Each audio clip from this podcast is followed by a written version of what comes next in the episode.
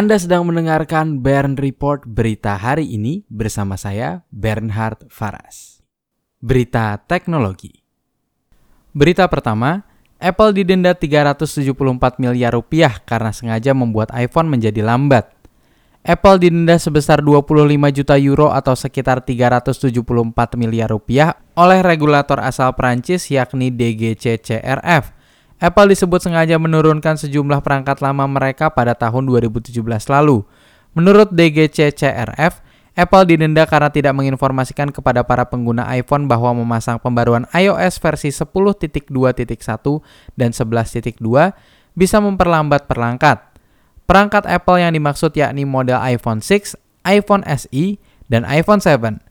Selain membayar denda, Apple juga setuju untuk menulis informasi di situs resmi Apple versi bahasa Prancis yang menyatakan bahwa mereka telah melakukan praktik bisnis yang tidak sehat dan telah membayar denda atas kesalahan tersebut. Berita kedua, iPhone SE 2 dikabarkan akan rilis pada Maret 2020. Apple dikabarkan tengah mempersiapkan ponsel murah yakni iPhone SE 2. Ponsel tersebut dikabarkan akan diluncurkan pada bulan Maret 2020 mendatang. Apple dilaporkan telah melakukan uji coba produksi dan siap memproduksinya secara massal pada pertengahan bulan Februari. iPhone SE 2 diprediksi akan mengusung layar 4,9 inci dan ditenagai oleh chipset terbaru Apple yaitu Bionic A13. Untuk harga, iPhone SE 2 kemungkinan dijual seharga 432 dolar Amerika Serikat atau setara dengan 5,9 juta rupiah. Berita ketiga, Netflix pernah menghapus film atas permintaan sejumlah negara. Dalam laporan Environmental Social Governance yang dirilis oleh Netflix, disebutkan bahwa mereka pernah menghapus film di beberapa wilayah atas permintaan sejumlah negara.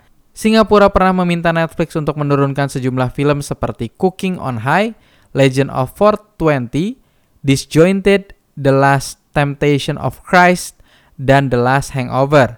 Sejumlah film lainnya seperti The Bridge, Full Metal Jacket, Night of the Living Dead, dan Patriot Act dihilangkan di beberapa negara seperti Selandia Baru, Vietnam, Jerman, dan Arab Saudi.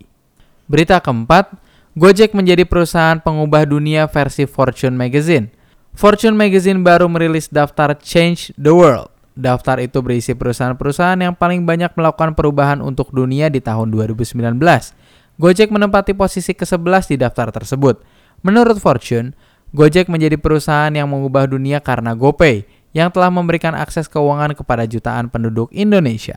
Berita kelima, toko ponsel di India boykot Samsung. Sejumlah toko ponsel India memutuskan untuk memboikot ponsel merek Samsung selama tiga hari sejak 11 sampai 13 Februari 2020.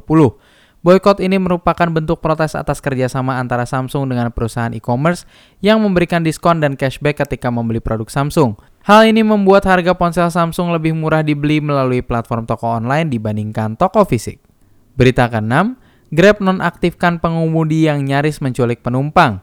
Grab menonaktifkan pengemudi layanan transportasi online Grab Car yang hampir membawa kabur penumpang. Seorang pengguna mengaku hampir diculik oleh sopir Grab Car karena tidak diantarkan ke lokasi tujuan. Saat sadar, tidak dibawa ke arah lain, penumpang tersebut mengaktifkan fitur emergency button yang langsung terhubung dengan layanan operator Grab. Sang sopir sadar bahwa penumpangnya telah menghubungi operator, kemudian menurunkan sang penumpang di tepi jalan tol Tangerang Merak. Untuk teks dan sumber berita selengkapnya dapat Anda lihat di website www.bernhardfaras.com. Terima kasih sudah mendengarkan Bern Report berita hari ini.